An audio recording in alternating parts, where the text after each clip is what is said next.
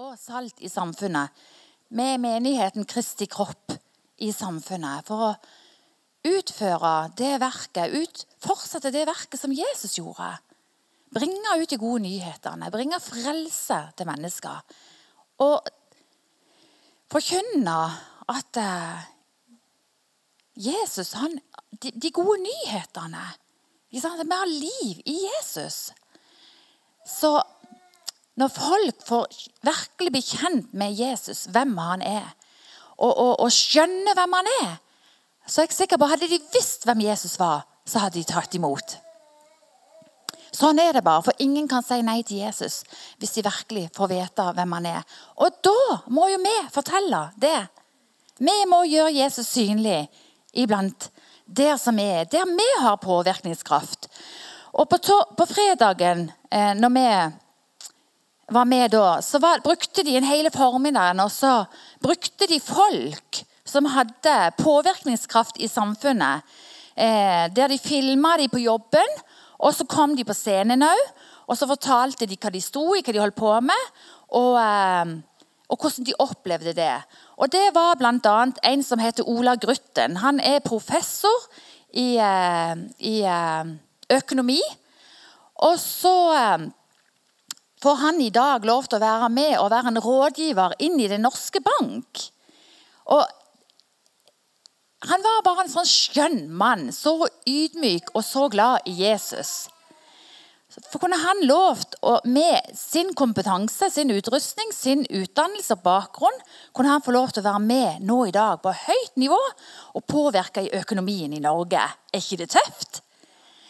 Og så var det eh, en rektor som var rektor for flere kristne skoler.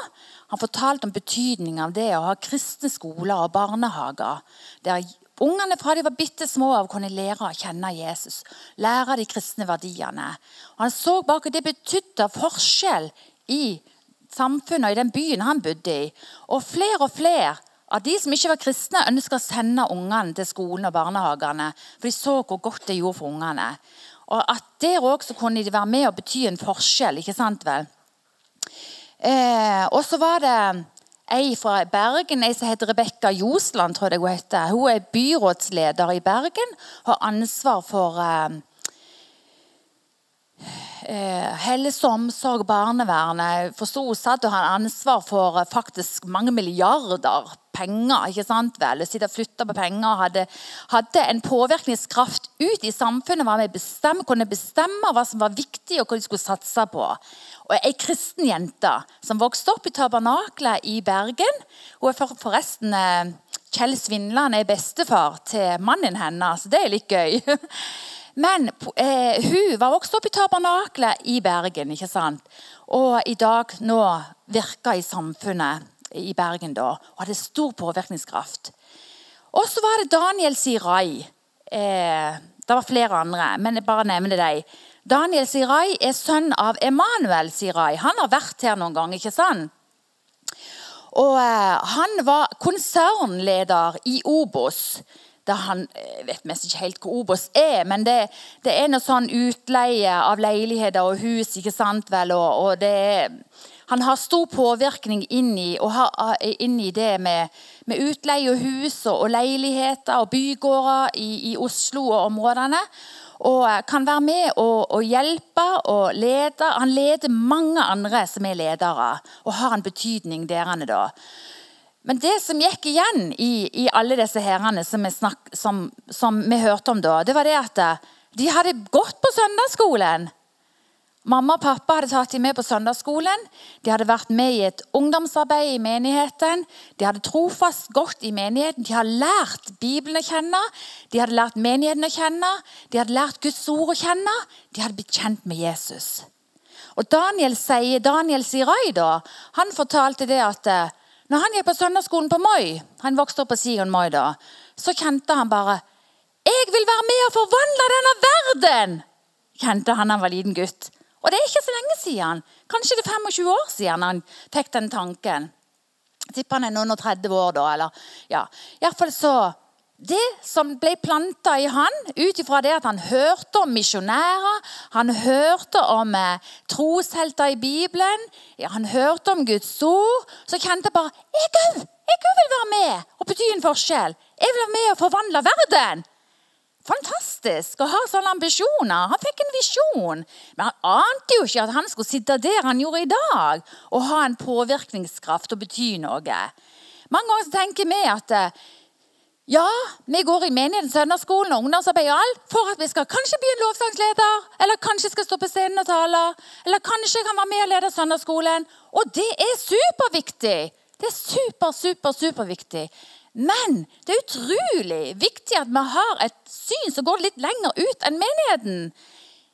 Vi må ikke være så opptatt bare av oss sjøl. Vi, må ikke være sånn at vi vender oss til Gud, og så vender vi ryggen til verden. Vet du, Gud har satt dere Jesus har satt dere i denne verden for at vi skal være lys og salt og bety noe for denne verden. Vi skal bringe de gode nyhetene ut til mennesker. Og vi skal bety en forskjell. Sant vel? Vi kan drag i håret og bli skikkelig frustrert og irritert og begynne å kritisere samfunnet og alt det galne, sånn som samfunnet er i dag, og sånn som det har utvikla seg. Men vi må slutte med det. Vi må heller begynne å be ikke sant vel? og velsigne byen vår, velsigne Norge, velsigne eh, politikerne, velsigne de som er med å styre og stelle, og be for dem. Og så tror jeg at Gud etter, Kanskje han legger ned et kall i deg til å være med. Plutselig skal du være en politiker. Og så trenger ikke altså, Når jeg nevner alle disse som var høy på strå, hadde store jobber så, så, er det bare gøy å bare se hvordan Gud kan bruke mennesker òg. Men det er ikke alle av oss som skal bli ledere innen politikken eller byrådsledere i helse og omsorg eller, eller professorer. For er alle, vi er ikke utstyrt med de samme evnene og gavene. Vi har ikke den samme utrustningen. Men innenfor Gud så er vi alle like viktige. Og det er så viktig at du finner din plass. Og da det jeg så da på denne brikka, ikke sant, Anne? At vi finner vår plass. For det at vi, vi er en helhet. Gud har kalt dere alle sammen. Vi er en del av en helhet, som Anne snakker om her. Og du er utrolig viktig for at det skal være en helhet. Det skal være balanse i Kristi kropp. ikke sant? Det er ikke alle som kan si det var professoren på et kontor. Det, da hadde det blitt skeivt. Men noen har han kalt til å være søppelkjørere. Noen har han kalt til å være på kafé, noen har han kalt til å være i oljen, noen har han kalt til å være lærere, noen skal være på butikk, noen er hjemmeværende. Min oppgave er å være hjemmeværende i mange mange år. Og Av og til så kunne jeg bli litt frustrert av å tenke jeg må jo ut og gjøre noe viktig. Men jeg kjente nei, den viktigste plassen for meg det var faktisk å være hjemmeværende. Og for jeg hadde fem barn som jeg skulle ta av. ikke sant? Og Hvis ikke barna ble oppfostra og lært og, fikk omsorg og kjærlighet, og vi kunne vise barna den veien de skulle gå, så tenker jeg at da har jeg svikta i mitt kall. Det er det viktigste kallet som jeg kunne ha. Det var å være mor. ikke sant vel? Så jeg tror det er veldig viktig å være bevisst på eh, hvor er du hen i livet. Sant vel, Du som gjerne er en skoleungdom nå i dag, så tenker jeg at det er der du skal være nå. Vær fornøyd med den du er nå. Der du er nå. Sant vel? For det er her og nå som er viktig. Og så er det sånn at uh, vi blir forma uh, gjennom den veien vi går. Vi blir utrusta, og så vokser vi og modnes vi. ikke sant vel? Helt fra vi er små. Ikke, en bitte liten unge kan ikke bare plutselig si 'nå vil jeg bli professor'. Eller 'nå vil jeg bli sykepleier'. Nei, det er jo en modning fra du begynner å bli vokse. Så må vi først lære det, og så lærer vi det, og så lærer man det, og så vokser vi. Daniel, Daniel Sirai sa jeg hadde jo aldri, var aldri min tanke å, å, bli en konsernleder. Men Gud så hjertet mitt, og han så utrustningen min, og så kan han bruke meg til dette nå i dag. Eh, og så vokser man. Og så er det noe med det at man òg må være trofaste i de tingene vi er i. ikke sant vel? For der du er nå jeg tenker Når jeg var hjemme, når jeg ser tilbake på min skole, på min arena når jeg var hjemme og var mor, så ser jeg at det er så mye jeg lærte gjennom det å være mor i det forhold til det jeg er i dag. Der jeg er mor i menigheten. Utrolig mye. Av og til så var det sånn, Jeg hadde mest litt lyst til å hoppe bukk over sånne læringsarenaer som jeg var på når jeg var, når, i det i forhold til tålmodighet. Ja, men å, ikke sant vel? frustrasjon Masse ting. som Utholdenhet, kjærlighet. ikke sant vel? Alle disse åndens frukt som vi lærer å utvikle etter hvert som vi modnes. Så kommer åndens frukt. Og Det er så viktig at eh, vi er tålmodige i de prosessene. Og at Gud bare får virke inn i vårt liv. Og at han er her i vårt liv, og han er kilden i vårt liv. Og han er livet vårt. Så at vi er på vår plass der vi er nå. Ikke sammenlign noe med noen andre. Vær du der du er nå. Tjen trofast med det talentet og den gaven og utrustning der du er nå. Og så er det Gud som har ansvar for veksten. For vi kan ikke dra oss sjøl til håret. Det er Gud som gir veksten, og Den hellige ånd leder dere. Og det er kjempespennende. Som, som Fredrik òg sier. Nei, nå har han vært søppelkjører i et år, og det var bra. Det har vært masse, masse lærerikt. Og Jeg òg har lært noe av Fredrik når han har vært søppelkjører. For han forteller det at når han kommer rundt i husstanda, så kan han møte blide folk og sure og sinte folk.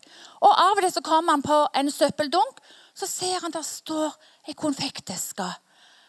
Og så kjenner han bare Wow!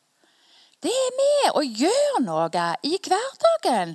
Hvis du er sliten, du har nettopp blitt kjefta på for ikke du har tatt og gjort sånn og sånn, og sånn, så kommer du til neste hus, der står der en konfekteske. Jeg bare Wow! Det minner meg på Wow!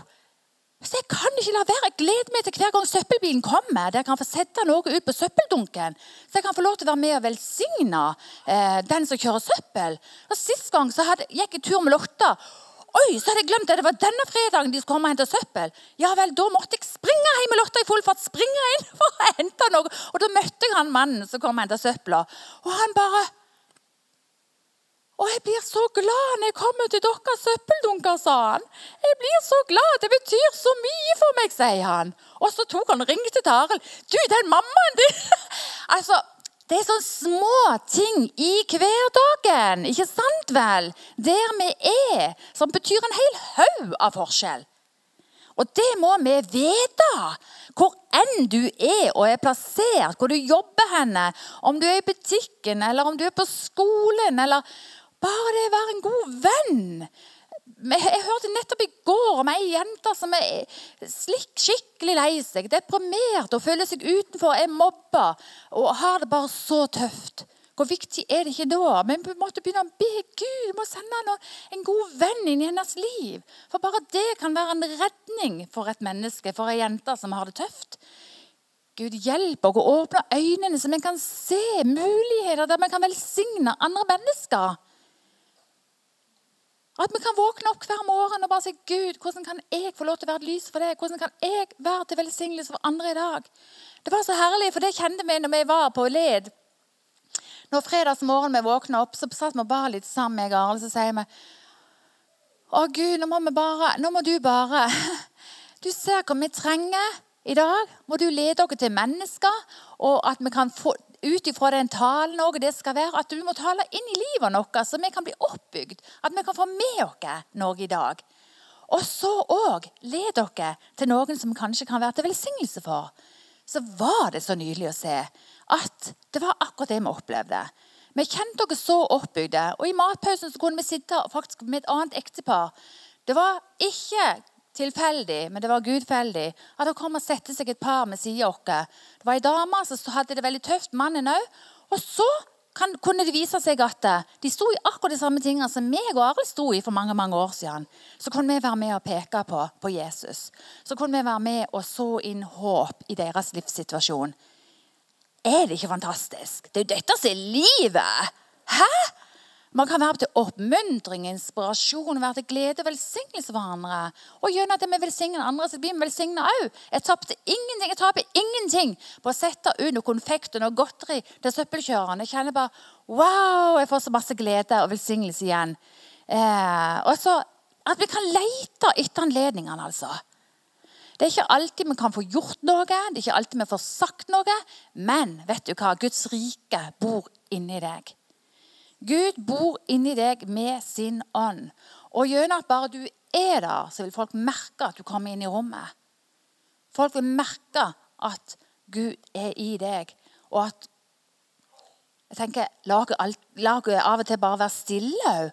For det er mange ganger så Ja, men jeg må jo jeg vet, jeg har vært der, jeg må jo vitne, jeg må jo få sagt noe om Jesus. For det ble vi oppdratt til. Du må jo vitne, du må jo få sagt noe, du må jo være lys. ikke sant? Så blir det mest sånn trelleliv. Nei, vet du hva, jeg bare kjenn på det. La meg få lov til å være leder av Den hellige ånd. Og talene skal tale, og tidene skal tie. Eller sitte i bønn og være leder av Den hellige ånd. Så vil han åpne opp, og så vil du se når du skal tale. ikke sant vel? Men be for mennesker. Og eh, be Gud om å lede deg. Vær til velsignelse. Verden trenger det. Verden trenger oss. Vi kan være med og bety en forskjell. En stor forskjell. Og Jeg har bare lyst til å lese litt fra Daniels bok. Det er Daniels bok som har gått litt inni meg faktisk i flere uker. Og i dag, i går kveld da vi kom hjem, jeg satt og leste i Daniels bok og så hadde forberedt meg til talen. Og kom inn her i dag, så ser jeg Benjamin. 'Hei, Daniel!' For da var det jo som det ene som sto i hodet på meg. Stakkars Benjamin! Så jeg måtte bare forklare han hva det handler om. Men det er jo sånn at det vi går og tenker på, det som vi går og memorerer på, det preger oss, det gjør noe med oss. Det du tenker, den blir du på en måte. Ikke sant? Nå var ja, Litt sånn flåsete, men du forstår poenget. Eh, jeg har lyst til å lese fra Daniel. Daniels bok 1. Kjenner dere Daniel fra Bibelen? Våg å stå som Daniel. Våge å være som Daniel. Han er et forbilde for oss. Vi har fått Bibelen for at vi skal se på de som har gått foran oss. For at vi skal bli inspirerte, for at vi skal bli modige. Og for at vi skal se, vi kan se gjennom det at Gud har vært trofast mot Daniel, Gud var trofast mot Moses, Gud var trofast mot Paulus. Alle som det står om i Bibelen. Gud er trofast, og jeg vet at han er trofast mot meg. Og Når jeg ønsker å være et lys og en disippel, eh, være med å forandre denne verden, ja, så vet jeg at det går an. Fordi at han ser til hjertet mitt, og han utruster meg, han leder meg, og han kaller folk og setter mennesker der så han ser at du passer inn. Og det gjorde han med Daniel. Og det som mange ganger kan være, det at det som kan gjerne se helt håpløst ut, helt forferdelig ut, det kan Gud òg vende om til det beste. Der vi bare mister helt motet og bare tenker det kommer aldri til å gå bra. Eh, jeg mislykkes. Dette her er bare Hvor er du, Gud, henne? Jeg har sjøl opplevd det. Så kan Gud vende alle ting om til det beste. For den som elsker Herren. Bare holde ut. Vær, vær i bønn. Vær i menigheten. Sammen med kristne. Så er det håp. Gud vil hjelpe. Jeg opplever det. Og jeg, jeg skal ikke si for mye om det, men i fall så Daniel han var, han var i et land, og så ble det krig. Da kom fiender og bare beleira hele byen. Og så tok de fanger. Og kongen eh, han bestemte, i det andre landet han bestemte at eh, ta de som er kloke, ta de unge, for vi skal ta de tilbake til landet vårt, og så skal vi lære de opp. Og så skal de bli en av oss, og så at landet vårt skal bli styrka. Og sånn var det med Daniel og eh, Shadrach, eh, Meshach og Abinego. Det var vennene til Daniel. De var vise, kloke, de hadde godt utseende. De ble tatt til fange og ført tilbake igjen til dette fiendelandet. Så jeg vil bare lese fra vers 3, kapittel 1. Kongen påla da Aspenas, den øverste av sine hoffmenn, å ta med seg noen av Israels barn, noen som var av kongelig slekt, og noen av de fornemme mennene. Unge menn som ikke hadde noe lyte, men som var vakre å se på, som hadde forstand på all visdom, som var rike på kunnskaper og flinke til å lære, som hadde evne til å tjene i kongens slott, så de kunne lære dem opp i kalderende skrift og tungemål. Kongen fastsatte for dem en daglig forsyning om kongens lekre retter og den vinen som han drakk. Han sørget for tre års, opplæring for dem, så de etter den tiden kunne gjøre tjeneste for kongen. Blant disse var Daniel, Daniel Hananya, Michel og Asaria av Judas sønner. Den øverste av hoffmennene ga dem navn. Han ga dem Daniel Belsasar. Hananya ga navnet Shadrach. Mishael ga navnet Meshach. Og Asaria ga han navnet Abenego. Det var de navnene som de fikk når de kom til dette nye landet. da. Og kongen hadde tenkt å forme dem eh, etter sitt bilde, sånn som han tenkte var best. Daniel han var vokst opp og lært å kjenne Israels Gud. Abraham, Israels og Jakobs Gud hadde Daniel lært å kjenne. Men nå ble han ført til et fiendeland, der kongen ikke trodde på denne guden. Han hadde sine gudebilder. Han ville oppdra og vise verden en annen gud, en annen måte å leve på, et annet tankesett. Det var en helt annen kultur som preget dette landet. Og Det var avgudsbilder, og det var eh, masse lover og regler som var ut ifra kongens tankesett. Det var ikke Daniel vant med. Han var vant med å opplært i Skriften. Han lærte Guds ord. Han lærte, han visste hvem Gud var. Han kjente sin Gud. Så når han da var ført over til fiendelandet og, lært, og nå fikk beskjed om at nå skulle han spise av det som kongen sa, så kjente han bare Nei, dette blir ikke rett for meg. Dette blir ikke rett for meg. Og det står det i vers 8. Men Daniel satte seg fore i sitt hjerte at han ikke vil gjøre seg uren med den delen han fikk av kongens lekre retter, og ikke med den vinen som kongen drakk. Derfor ba han Herren, og, derfor ba han herren over hoffmennene om å få slippe å gjøre seg uren. Gud hadde sin, gitt Daniel velvilje og barmhjertighet hos den øverste hoffmannen.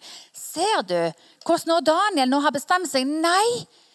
Jeg kan ikke gjøre meg urein med disse tingene her. Han var i fremmed land og bare kjente vet du hva, jeg kjenner min Gud. Jeg vet hva som er rett.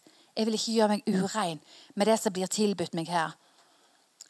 Og han sto for det. Han gikk ikke på kompromiss. Han sto for det som han kjente at Gud kalte han til. Og når han da hadde bestemt seg for det, så ser vi at Gud er bare med han. Så det gjør til at han får favør blant den øverste hoffmannen. Og hoffmannen går med på at Daniel han får lov til å spise. Vi vet at Daniel og, og kameratene hans de ville spise bare grønnsaker. For la oss nå se etter vi har spist grønnsaker i 21 dager, om ikke vi faktisk er friskere enn de andre. Ja, det er helt greit, tenkte hoffmannen. For Poenget er jo det at de skal være friske og spreke og, og sunne og ha visdom, for det er det kongen vil ha. Så han gikk med på det. Men det var jo Gud som arbeidet i hoffmannen sitt hjerte, som gjorde det mulig for Daniel og kameratene til å, å, eh, å ta denne fasten og atskille seg fra det som kongen tilbød dem. Han nekta å bli påvirka av det, det landet han har blitt ført til. Han ble nekta å bli, bli påvirka av samfunnet, av kulturen som han var kommet til. Og eh, eh, Daniel han våga å være annerledes. Vi synger her sånn Våg å stå som Daniel. Daniel våga å være annerledes. Han våga å si nei. Jeg tenker også sånn som vi i vårt samfunn, kulturen vi vokser opp i, så er det der er kanskje, kanskje, ikke avguder sånn som vi tenker om avguder når vi leser i Bibelen. ikke sant? Men det er faktisk ting som vi kan si ja til i samfunnet. Vi kan bli hekta på, og hjertet vårt kan bli opptatt med. Som kan påvirke oss som gjør at vi gjerne blir sløve. Vi blir forurensa, sånn som Daniel sa her. Vet du hva, Jeg vil ikke bli forurensa ved disse matrettene. Men sånn er det for oss i dag òg. Vi kan bli det, vi òg. Men vi, jeg tenker Laget tørre å si nei. Laget tørre å, å, å, å avstå fra det som ikke er bra for oss. Det kan handle om masse du leser på nettet. Det kan handle, det er så mye som vil påvirke. Jeg skal ikke begynne å snakke om det, men jeg tror hver enkelt av dere kan kjenne etter på hva er det som vil ta oppmerksomheten min vekk ifra Jesus. Førstekjærligheten min vekk ifra Jesus. La dere avstå ifra det som vil være med og ta, stjele min kjærlighet ifra Jesus.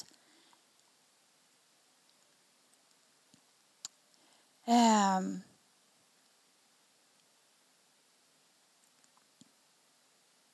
Daniel han visste hvem han var. Han, visste, han var trygg i det å tørre å si nei.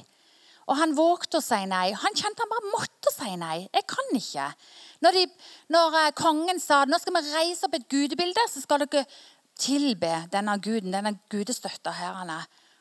Kameratene uh, Meshach, Shadrach, Shadrach, Meshach, Abednego og Daniel de bestemte seg for at nei, de ville ikke tilbe denne gudestøtta. Det var helt unaturlig for de å tilbe ei gudestøtte. Jeg tilber Herren min Gud, sier Daniel. Selvfølgelig. Det er han jeg tilber. Vi leser det i, i Daniels bok om at han gikk til sin bønneplass øverst på loftet, og så ba han. Han hadde sine bønnerutiner. For det at han han kjente han ble dratt til fellesskap med Gud. Han kjente sin Gud, han kjente han måtte være sammen med sin Gud. Han måtte ha fellesskap med sin Gud. Og Det er klart at det, det var òg med og gjorde at Daniel var den han var. Han var bevisst på hvem han var. Han hadde ikke noe dårlig selvbilde. Han var ikke usikker på hvem han var. Når han ble tatt inn i en annen kultur, så tenkte han ikke som så at nå må jeg prøve å være sånn som de andre hærene for at jeg skal bli likt. Jeg må ikke skille meg ut. ikke sant? Nei, Daniel tenkte ikke sånn. Han var den han var. Han var bevisst på hvem som bodde i han. Og han bare kjente Når han kom i en annen kultur, så kjente han bare vet du hva? Jeg må stå opp for min Gud. Jeg kan ikke menge meg og være sånn som de andre. Landets regler og lover var basert på et ugudelig eh, eh, system. ikke sant? Og eh, og han, og han bare skjønte det at Nei, dette kan ikke jeg. Jeg kan ikke innrette meg etter, etter dette. Eh, og ut ifra det gudebildet som de nekta å, å eh, bøye seg for, så, så, ble det bestemt at de måtte kastes i ildovnen, disse tre kameratene. Men jeg skal bare lese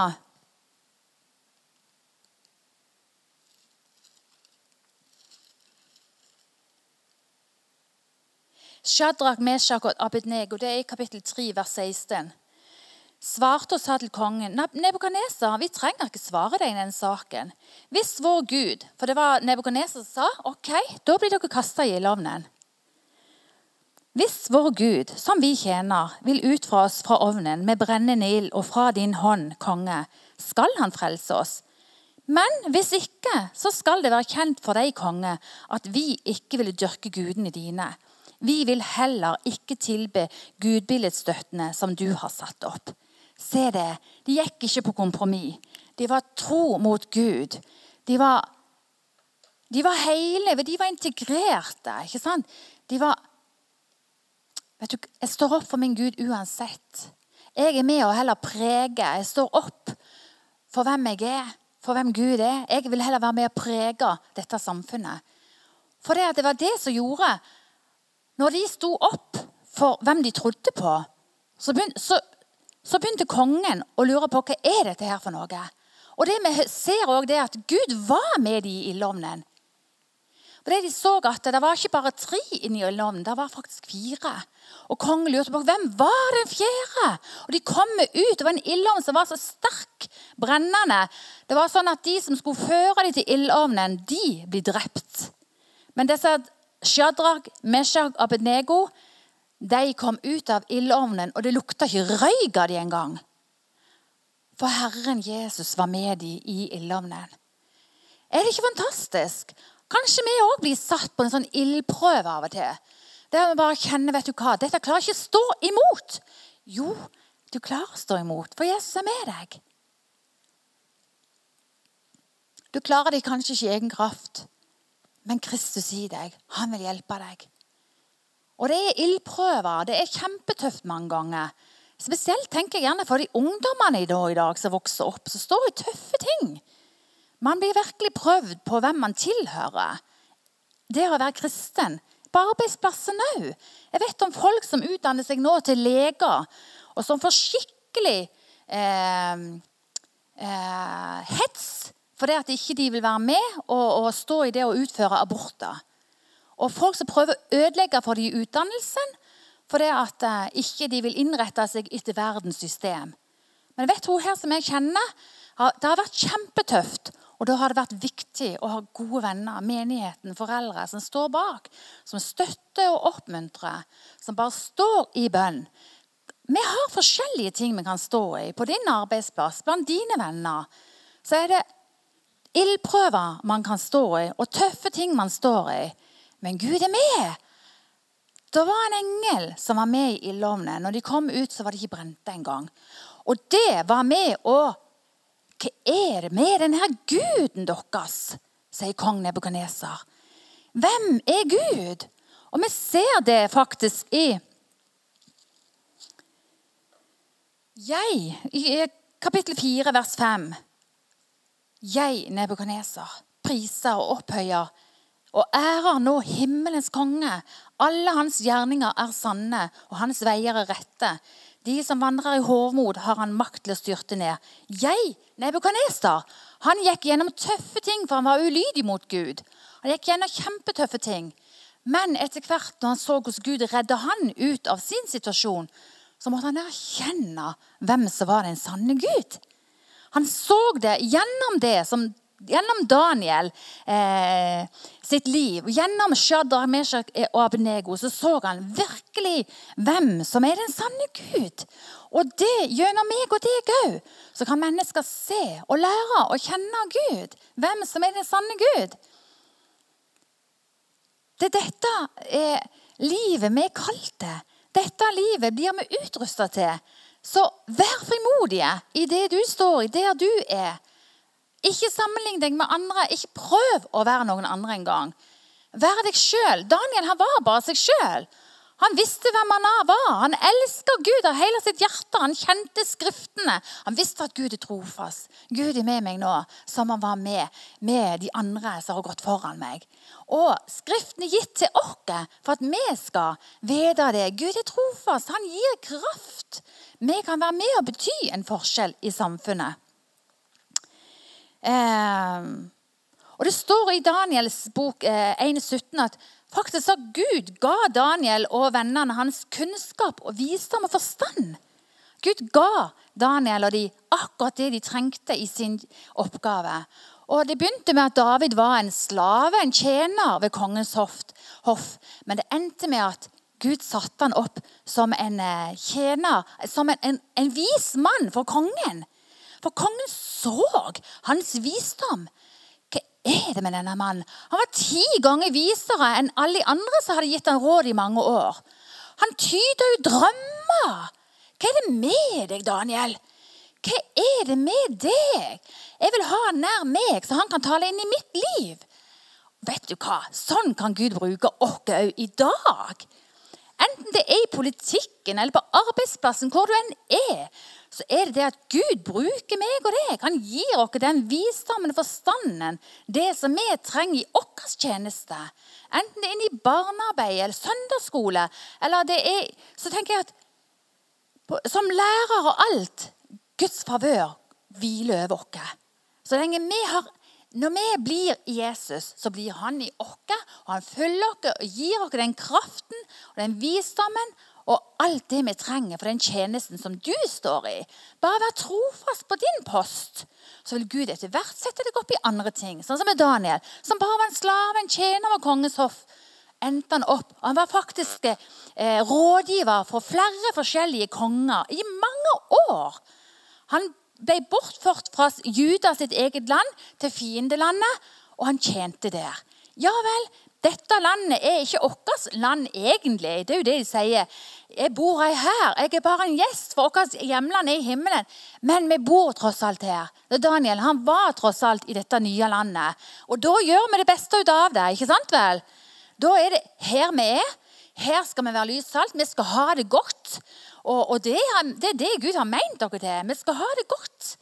Men jeg tror ikke at vi vil bli fornøyde med, med, det livet vi lever i dag, uten at vi er i Guds vilje heller, òg med vårt liv.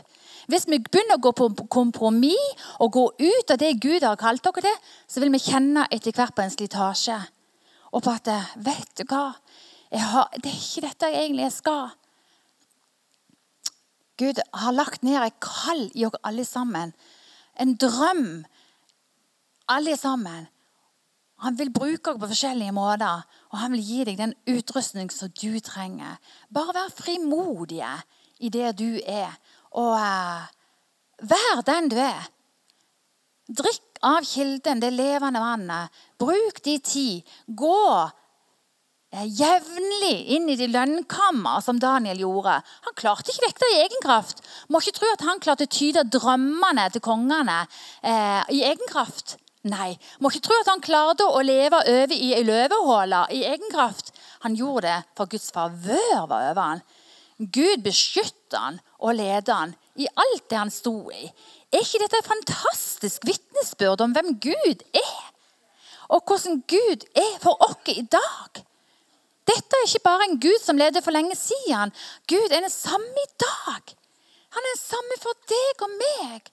Vi har fått en arv når vi ble frelst, så tok vi imot Jesus. Guds ånd bor inni oss. Og vi har fått alt det vi trenger for dette livet, og mer til. Så la oss dele Jesus. Gi dette livet videre til andre mennesker. Vær til velsignelse der du er. Og eh, ja, Jeg skal ikke si noe mer. Eh, jeg bare tenker Du er viktig. Du er verdifull. Du er kalt til å være akkurat der du er. La oss være til velsignelse for hverandre. La oss stå sammen. For det er så viktig med menigheten. Vi trenger hverandre. Daniel trengte vennene sine. De sto sammen. Det å være alene i dette samfunnet det var mest umulig. ikke sant? Gud er med, ja, men vi trenger også hverandre. Så dere fletter dere inn i hverandre. Kristi kropp. Kristi kropp synlig i denne eh, byen, i dette landet. Så det skal bli gøy å se hva det blir med dere. Mange av dere unge som er her, wow, eh, vi heier jo bare på hverandre. ikke sant? Vi må, vi må gjøre det lett for at folk skal bare ut og forkynne evangeliet. Når noen kjenner jeg skal inn i politikken, yeah, vi velsigner de, og bare står i bønn. Jeg synes Det er så fantastisk med Glenn nå. Tenk at han har vært langt nede i verdens ende der de aldri har hørt evangeliet før, så får han lov til å være med og forkynne de gode nyhetene og bre ut evangeliet. Hadde Glenn drømt om det da han var liten? Jeg tror kanskje ikke det. Kanskje han gjorde det når han hørte en misjonær. Men se hvordan Gud bare bruker han. Så Gud bruker oss alle sammen. Men det viktigste er relasjonen med Jesus. Intimiteten med Jesus. Sant vel? Det er det viktigste. Så søk først Guds rike, så skal han gi dere alt andre i tillegg. Sett Jesus først i livet ditt. Gud velsigne deg. Amen.